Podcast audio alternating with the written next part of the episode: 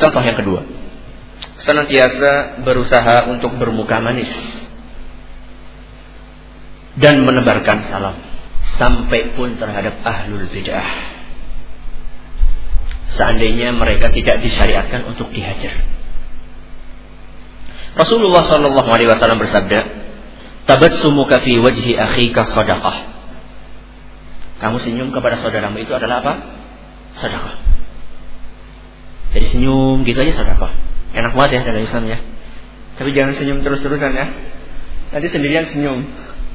Bahaya kalau gitu. Jadi kita senyum itu sedekah. Dan itu adalah hak setiap muslim meskipun dia ahlul bid'ah. Seandainya dia belum disyariatkan untuk dihajar. Hati-hati dengan catatan ini.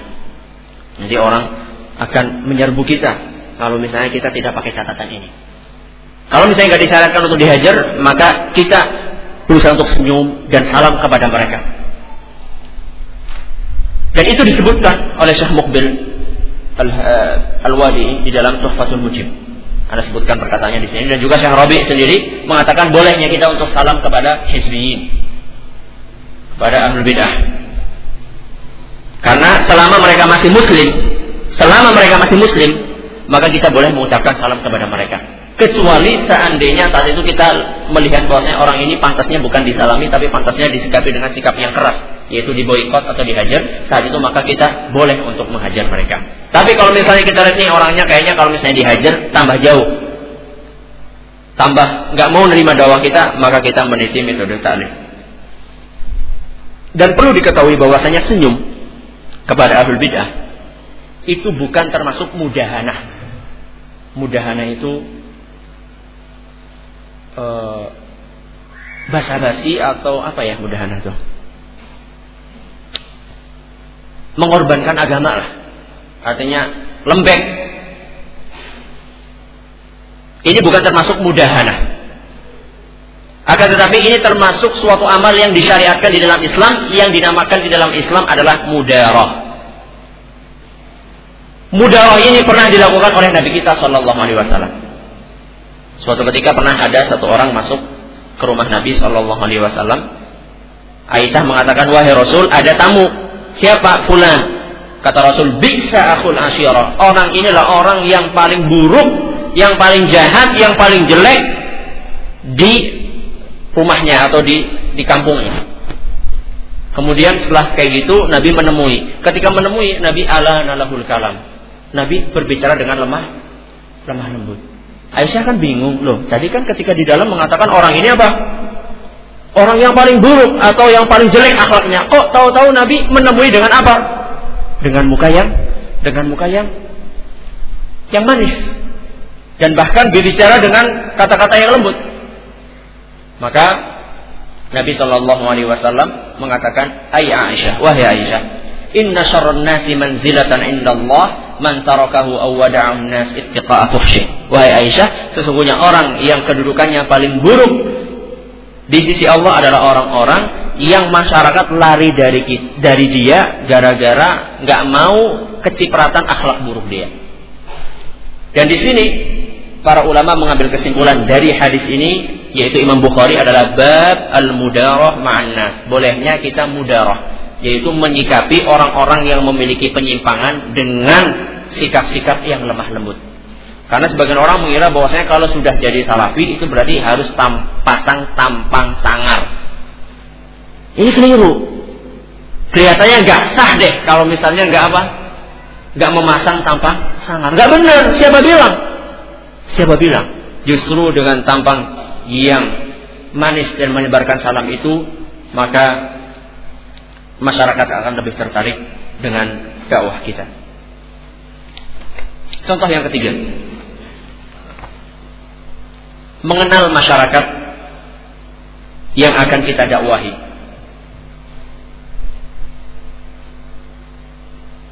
Sebelum mendakwahi mereka.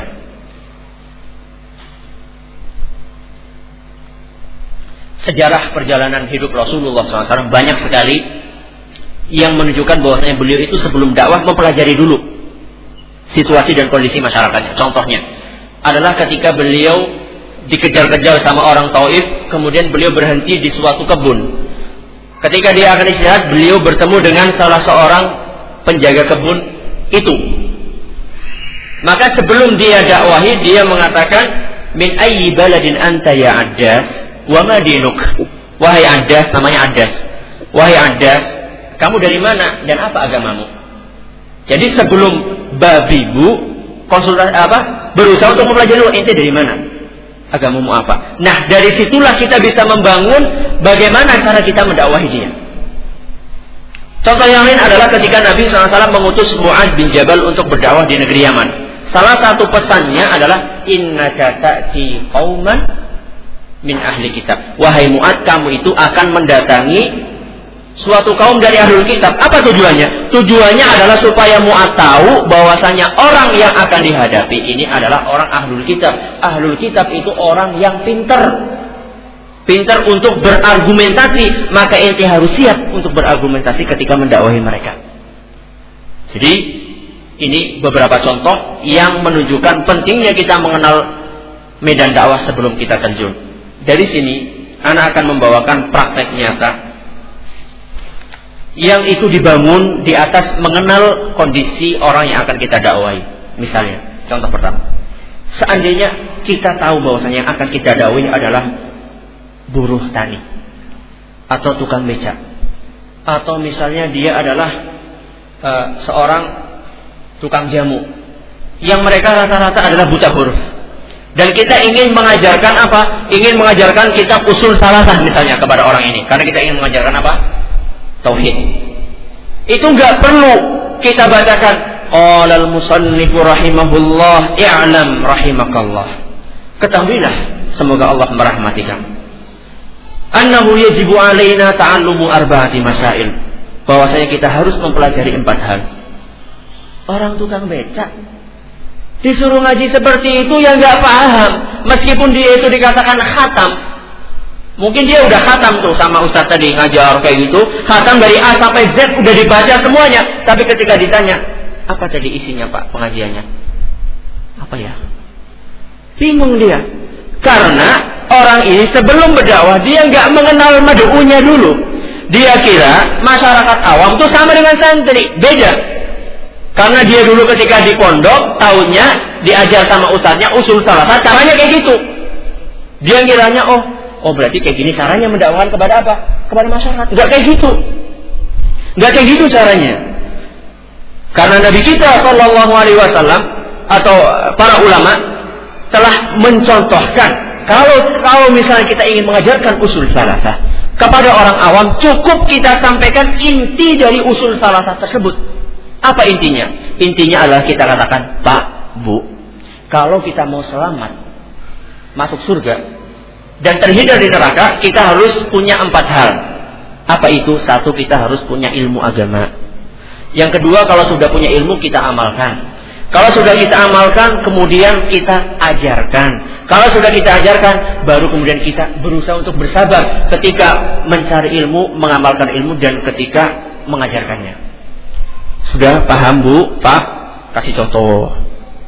Nah, ilmu agama ini ada tiga. Ilmu agama ini adalah yang pertama kita harus mengenal Allah. Yang kedua kita mengenal Nabi kita Sallallahu Alaihi Wasallam. Yang ketiga kita mengenal agama Islam. Paham? Paham. Mengenal Allah adalah kita mengetahui bahwasanya Allah itu ada dan Allah lah satu-satunya pencipta, pemberi rizki, kemudian yang menghidupkan dan mematikan. Maka Allah lah satu-satunya yang berhak kita ibadahi. Ini namanya mengenal Allah. Kasih contoh. Mengenal Rasulullah artinya adalah kita mentaati perintahnya, kita nggak boleh melakukan apa yang dilarang, kita harus percaya dengan apa yang disampaikan, kemudian yang terakhir adalah kita berusaha beribadah seperti apa yang diajarkan oleh Nabi kita Shallallahu Alaihi Wasallam. Paham? Paham? Kasih contoh.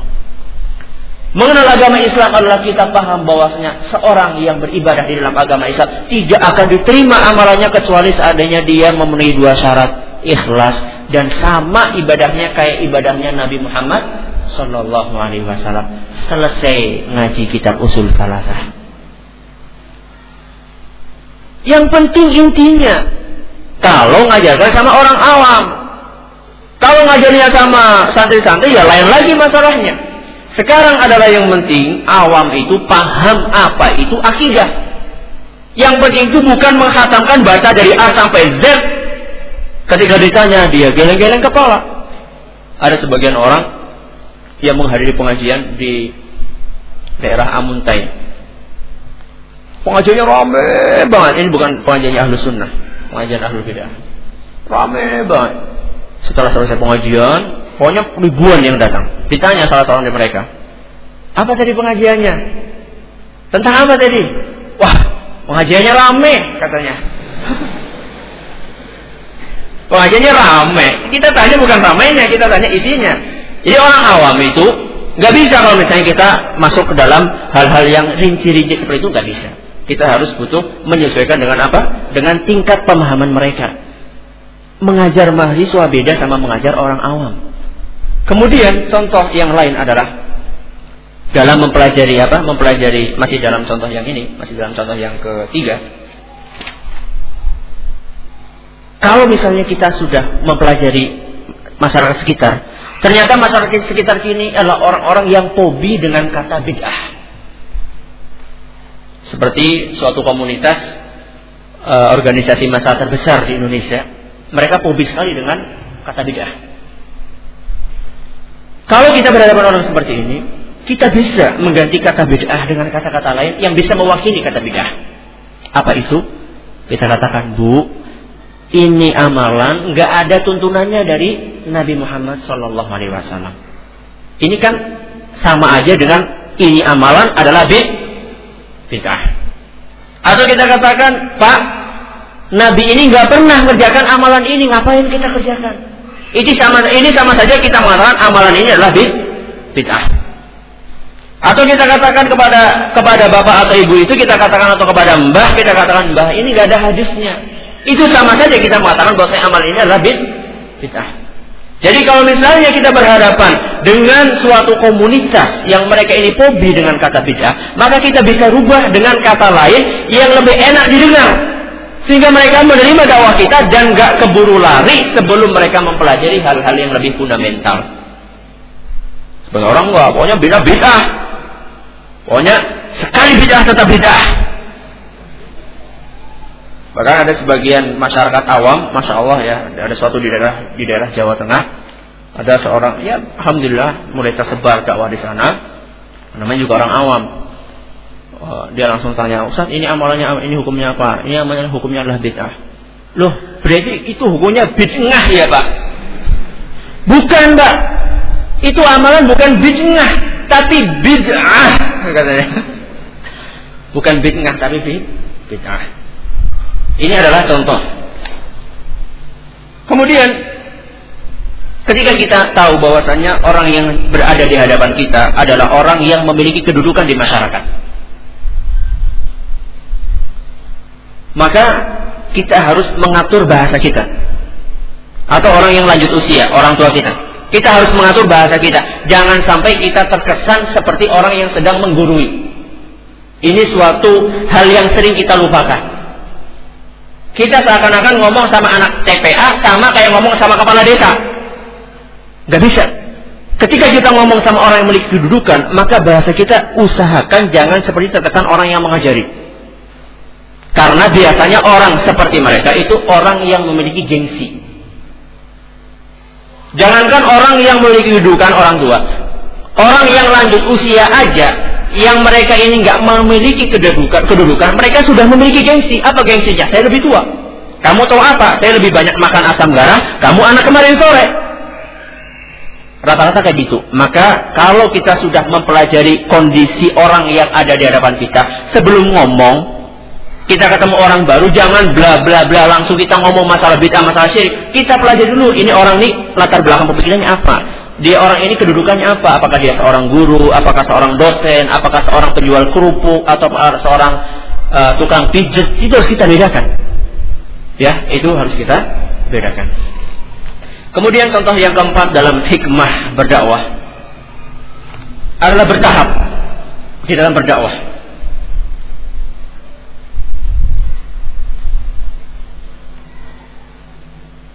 Dengan memulai yang paling penting yaitu tauhid, kemudian melangkah kepada syariat-syariat yang lain.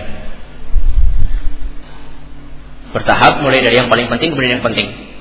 Insya Allah antum semua tahu bahwasanya yang paling penting adalah apa? Tauhid. Tauhid ini pentingnya tauhid ini banyak dalilnya yang menunjukkan di antaranya adalah ketika Rasul mengutus apa? Muaz bin Jabal ke Yaman. Salah satu pesannya adalah falyakun awwala ma tad'uhum ilaihi syahadatu alla ilaha illallah. Jadi oleh Nabi katanya, wahai Muaz, pertama kali yang kamu dakwahi, yang kamu dakwahkan adalah tauhid. Kalau mereka sudah menerima, maka ajari bahwasanya mereka diwajibkan untuk sholat. Kalau mereka sudah menerima, maka ajarkan kepada mereka zakat. Jadi yang seperti ini bertahap dalam berdakwah ini penting. Jangan sampai kita loncat. Belum sempat kita mengajarkan tauhid, kita sudah masuk ke dalam hal-hal yang lain. Yang mana itu barangkali akan menghalangi dia untuk mengenal tauhid. Dan juga sebagian orang memahami bahwasanya mengajarkan tauhid itu adalah caranya itu-itu saja.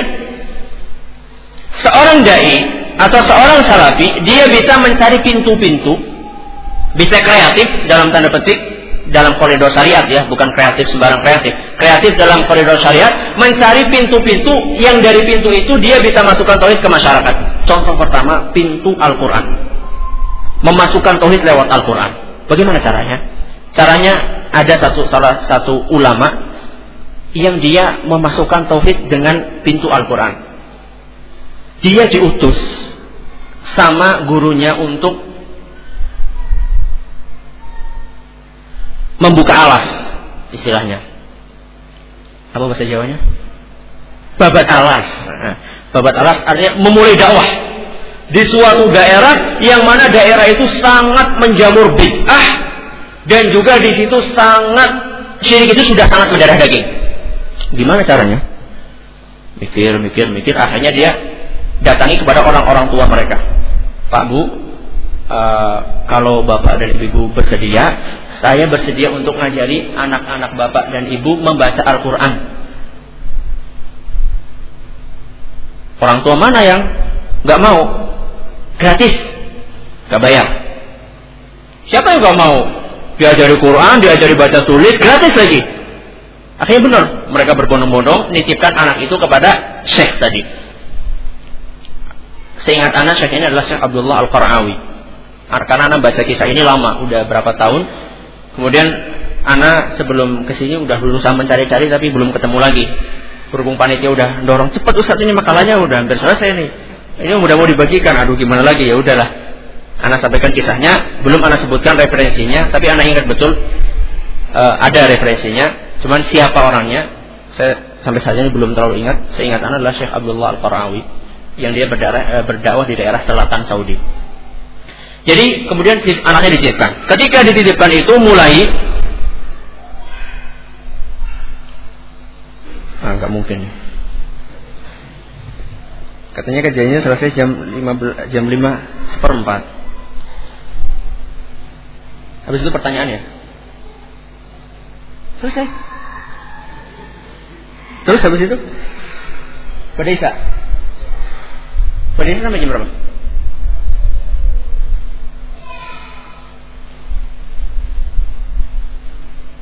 Habis ini langsung mandi atau gimana gitu? Sore ini aja gak usah mandi ya? Sore ini aja gak usah mandi, gimana? Saya juga. Jadi ketika itu diajak, ya, diajak eh, orang-orang uh, tadi, anak-anak itu diajari Al-Quran diajari baca Al-Quran. Nah, di sela-sela mengajari membaca Al-Quran, Syekh tadi itu mengajarkan kepada anak-anak tersebut supaya mereka berusaha untuk membantu orang tua mereka. Berbakti, nyapu, nyuci piring, mengepel. Pokoknya diusaha bagaimana anak ini menjadi orang yang menjadi anak yang berbakti. Akhirnya sebulan, dua bulan berganti. Mulailah tumbuh rasa cinta dan rasa hormat dari masyarakat sekitar kepada siapa? Kepada Syekh ini. Bagaimana nggak hormat? Anak yang dulunya nakal-nakal, sekarang jadi berbakti, nggak cukup berbakti, jadi pintar ngaji. Akhirnya mulai tumbuh rasa hormat. Ketika Syekh ini sudah melihat, oh ini kayaknya sudah pas waktunya untuk memasukkan hal-hal yang tersebar di masyarakat ini.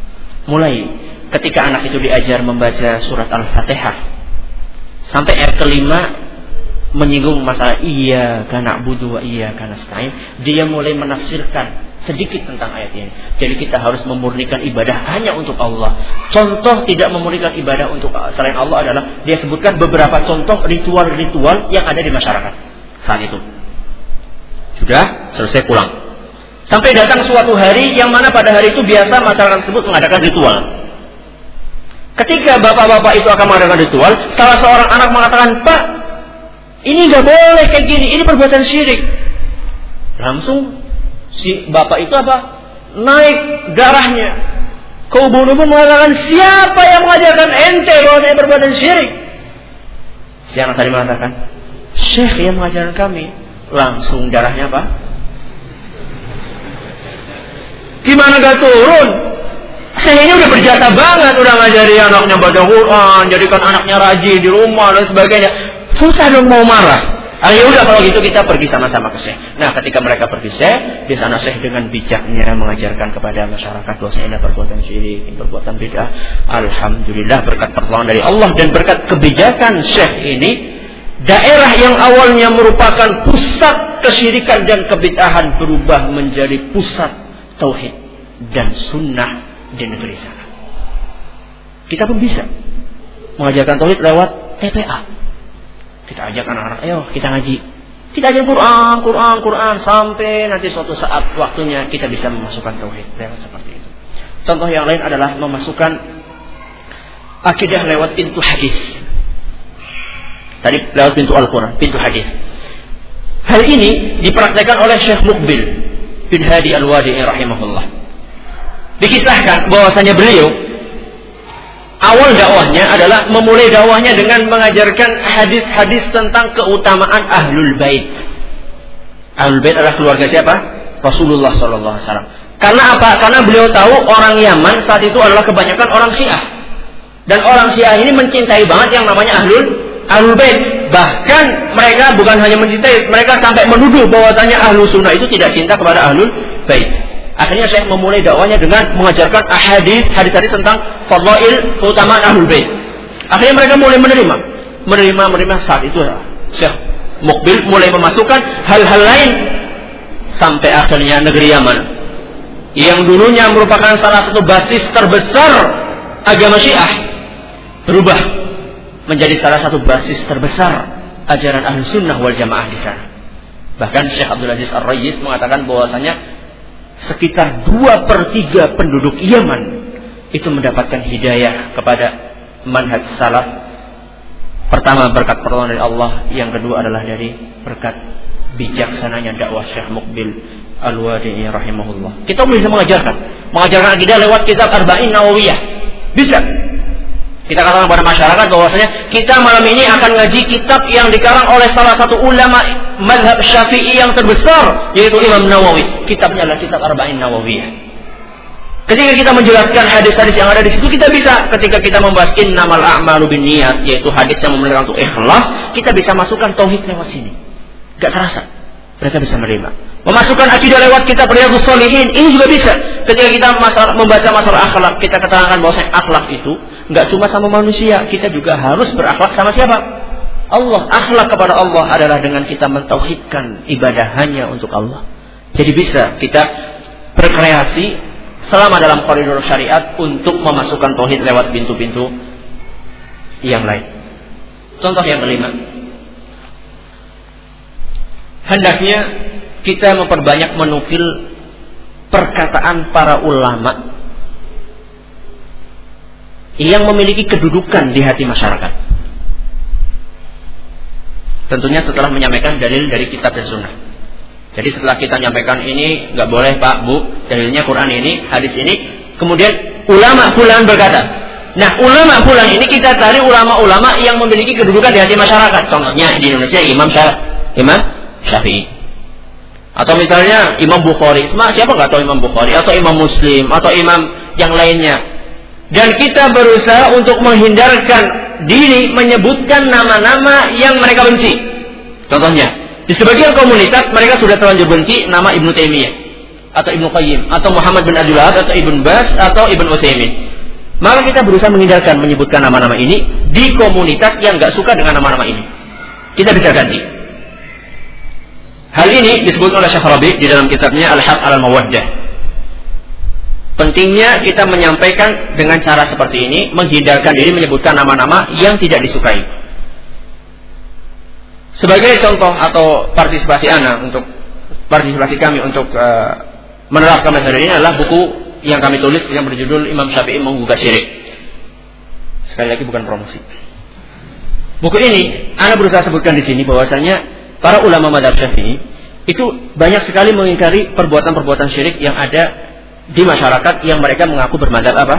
Syafi'i. Contohnya, orang-orang yang suka ngalap berkah di kuburan dengan mengusap-usap kuburan. Itu mereka kebanyakan mengatakan bahwasanya mereka bermadhab apa? Syafi'i. Dan mereka sangat mengagungkan yang namanya seorang yang bernama Abu Hamid Al-Ghazali. Yang kitabnya adalah Ihya Ulumuddin. Ini sudah merupakan kitab yang Masya Allah menurut mereka. Padahal, kita katakan kepada mereka, Al-Ghazali di dalam kitab Ihya Ulumuddin mengatakan bahwasanya fa innal massa wat taqbila lil masyahidi adatul yahudi wan nasar. Kita katakan kepada bahwa Imam Ghazali mengatakan dalam Ihya Ulumuddin mengusap-usap kuburan dan mencium-cium kuburan adalah merupakan kebiasaan orang-orang Yahudi dan Nasrani. Dia nggak bisa ngomong apa-apa lagi. Kalau kita bawakan Ibnu Taimiyah mengatakan bahwasanya ini adalah nggak boleh mereka siapa Ibnu Taimiyah? Tapi ketika dibawakan perkataan Abu Hamid Al Ghazali mereka akan, oh aduh, susah juga nih. Ini keras berat nih, nggak bisa nih. Jadi seperti itu. Contoh yang lain. Kebanyakan orang-orang kan di sini meyakini bahwasanya Allah itu ada di di mana-mana. Kebanyakan orang-orang al-masyarakat awam itu meyakini Allah di mana-mana. Dan mereka rata-rata mengatakan bahwasanya mereka ahli sunnah wal jamaah dan ahlu sunnah wal jamaah versi mereka adalah apa? Adalah orang-orang pengikut Abul Hasan al Ashari alias al Ashairah. Jadi definisi ahlu sunnah menurut mereka adalah orang-orang Ashairah dan orang-orang Maturidiyah. Mereka mengatakan, oh berarti ahlu sunnah pengikutnya Abul Hasan. Kita katakan, Pak, Abul Hasan al Ashari itu mengatakan bahwasanya Allah itu berada di atas arsh. Bahkan dia menukil ijma para ulama bahwasanya Allah itu berada di atas ars dan bukan di mana-mana. Dia mengatakan, "Wa ajma'u ala annahu ta'ala fawqa samawatihi ala arsyihi." Dan para ulama telah berijma bahwasanya Allah berada di atas langit di atas ars. Itu adalah pemimpin kelompok yang Bapak anut. Gak bisa ngomong apa-apa kalau misalnya kita bawakan di dalam kitab tauhid karangan siapa? Karangan siapa, Mas?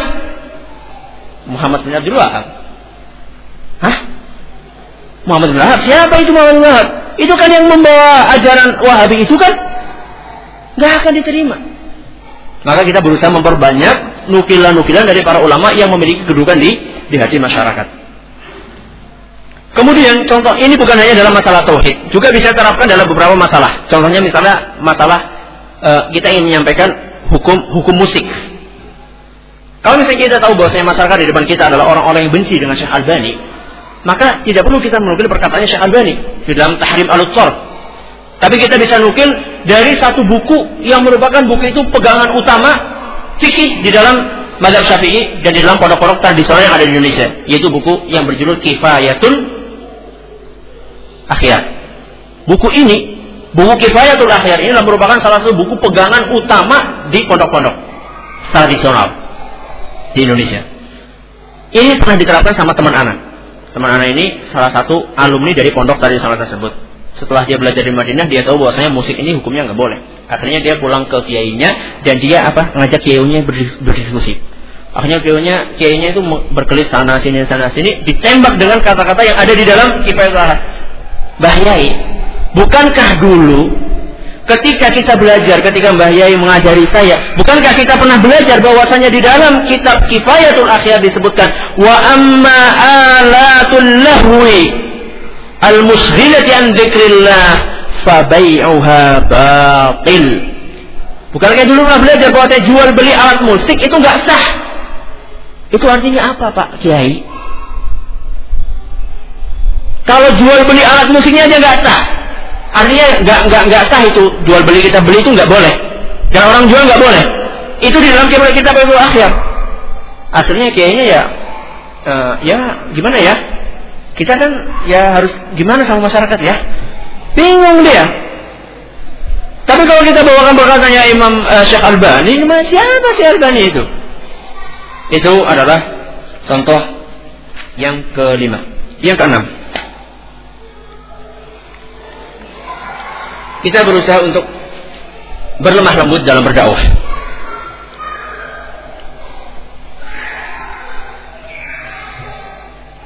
Emang ada acara? Ada acara di masjid ini? Ada acara di masjid ini? Dari masyarakat? Enggak ada. Kalau misalnya diteruskan masyarakat gimana? Enggak apa-apa. Maghribnya jam berapa? Maghribnya jam berapa? Enam lebih berapa? Setengah enam lebih sepuluh. Antum cukup wudhu sepuluh menit? Gak cukup ya? Oh beres-beres hijab. Satu lagi ya. Minta korting. Contoh yang keenam adalah menyampaikan dengan lemah lembut. Banyak sekali dalil dari Quran dan hadis yang memerintahkan kita untuk berlemah lembut. Dan perkataan para ulama sudah banyak untuk menyinggung masalah ini. Anda sebutkan di sini semuanya di masalah. Nanti antum lihat. Maka jangan sampai umat itu menjauhi dakwah kita gara-gara cara kita yang salah. Bukan karena dakwah kita yang salah, tapi cara dakwah kita yang salah. Jangan sampai umat itu menjauhi dakwah kita atau tidak menerima dakwah kita gara-gara cara kita yang salah dalam berdakwah, yaitu dengan dengan tidak dengan cara lemah lembut. Dan ini sama sekali bukan melarang untuk bersikap keras. Karena Nabi pun pernah bersikap apa? Keras. Tapi kita harus tahu bahwasanya hukum asalnya berdakwah adalah dengan cara lemah lembut dan kapan-kapan atau dalam beberapa kondisi kita boleh bersikap keras ketika memang kondisi membutuhkan. Maka jangan dibalik. Sebagai orang membalik, hukum asal berdakwah adalah dengan keras, kadang-kadang pakai lemah, lembut, keliru.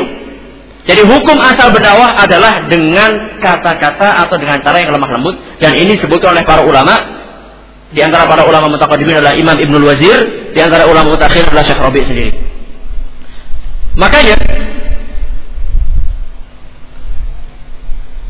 Syekh Al-Albani sebelum beliau meninggal belum memberikan suatu wasiat yang sangat indah. Dia mengatakan bahwasannya sesungguhnya orang-orang yang paling berhak untuk kita sikapi dengan hikmah, dengan lemah lembut adalah orang-orang yang paling benci kepada dakwah kita. Wah, bukankah semakin benci kita semakin apa? Babat aja. Siapa tuh? Itu oh itu itu itu musuh banget itu udah habisi aja. Kata saya enggak. Justru orang yang paling benci kepada dakwah kita adalah mereka lah orang yang paling berhak untuk kita sikapi dengan lemah lembut, dengan sikap yang hikmah. Kenapa? Kata Syekh, hatta la najma'a baina thiqalaini. Supaya kita itu tidak memadukan antara dua hal yang berat. Yang pertama, hal yang berat itu adalah beratnya dakwah yang sedang kita pikul. Dakwah salafiyah atau dakwah sunnah itu berat. Kenapa? Karena kita berusaha untuk menarik orang yang sudah lari jauh dari Quran dan hadis, kita tarik kembali untuk kembali ke Quran dan hadis. Ini berat. Dakwahnya sudah berat. Yang kedua beratnya adalah cara kita yang buruk dalam berdakwah jangan sampai kita memadukan antara dua keburukan atau dua hal yang berat apa antara dua hal yang berat yang pertama adalah dakwah kita yang memang asalnya berat karena berusaha untuk menarik orang yang sudah jauh meninggalkan hadis yang kedua adalah beratnya cara kita yaitu kasar dalam berdakwah maka sekali lagi kami ingatkan bahwasanya di sini kita sedang bukan menafikan bolehnya bersikap keras tapi ada norma-normanya Sikap keras ada norma-normanya. Anda sebutkan di sini ada empat norma, nanti bisa dirujuk di sini. Karena sebagian orang ketika melihat sebagian oknum bersikap keras berlebihan, dia balik 180 derajat, dan mengatakan bahwasanya kita ini nggak boleh bersikap keras sama sekali. Keliru. Karena Nabi pun pernah bersikap apa? Keras. Jadi kita jangan membalas dengan kesalahan. Orang bersikap keras berlebih-lebihan, kita gantian gak ada sikap keras di dalam Islam. Ada sikap keras di dalam Islam. Akan tetapi ada norma-normanya. Contoh yang lain. Sebagian orang ada yang ngawur dalam menerapkan tahdir. Tahdir sana, tahdir sini tanpa memperhatikan norma-normanya. Akhirnya dibalas oleh sebagian pihak dengan mengatakan gak ada tahdir di dalam Islam. Salah. Ada tahdir di dalam Islam. Nabi pernah mentahdir. Yang benar adalah ada tahdir tapi dengan apa? norma-normanya.